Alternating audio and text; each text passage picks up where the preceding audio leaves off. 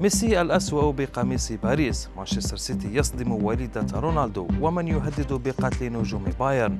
هذه الأخبار وغيرها تتابعونها على العربية بودكاست. الجميع تابع قمة دور الأبطال بين سان جيرمان وريال مدريد والجميع أيضا لاحظ مستوى ميسي المتراجع وسط كوكبة النجوم التي يضمها كل فريق. ميسي الذي أضاع ركلة جزاء في تلك المباراة حصل على تقييم ثلاثة من عشرة وذلك من طرف صحيفة ليكيب الرياضية. ويعد هذا التقييم هو الأسوأ للنجم الأرجنتين الأرجنتيني طوال مسيرته الكروية.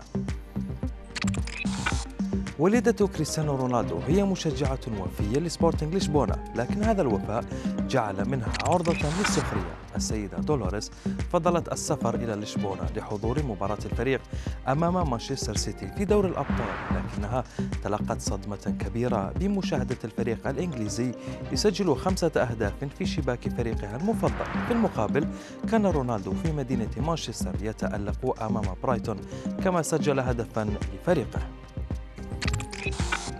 بعد فشل دوري السوبر في أوروبا بدأ في أفريقيا عهد جديد عبر استحداث بطولتين هما دوري السوبر الأفريقي وكأس أبطال أفريقيا وهذا بدعم من رئيس الفيفا جاني إنفانتينو. ومن المقرر أن ينطلق دوري السوبر في سبتمبر من العام المقبل ويأتي هذا التحول ضمن خطط فيفا لتطوير اللعبة في أفريقيا فضلا عن المردود المالي الكبير للمسابقة.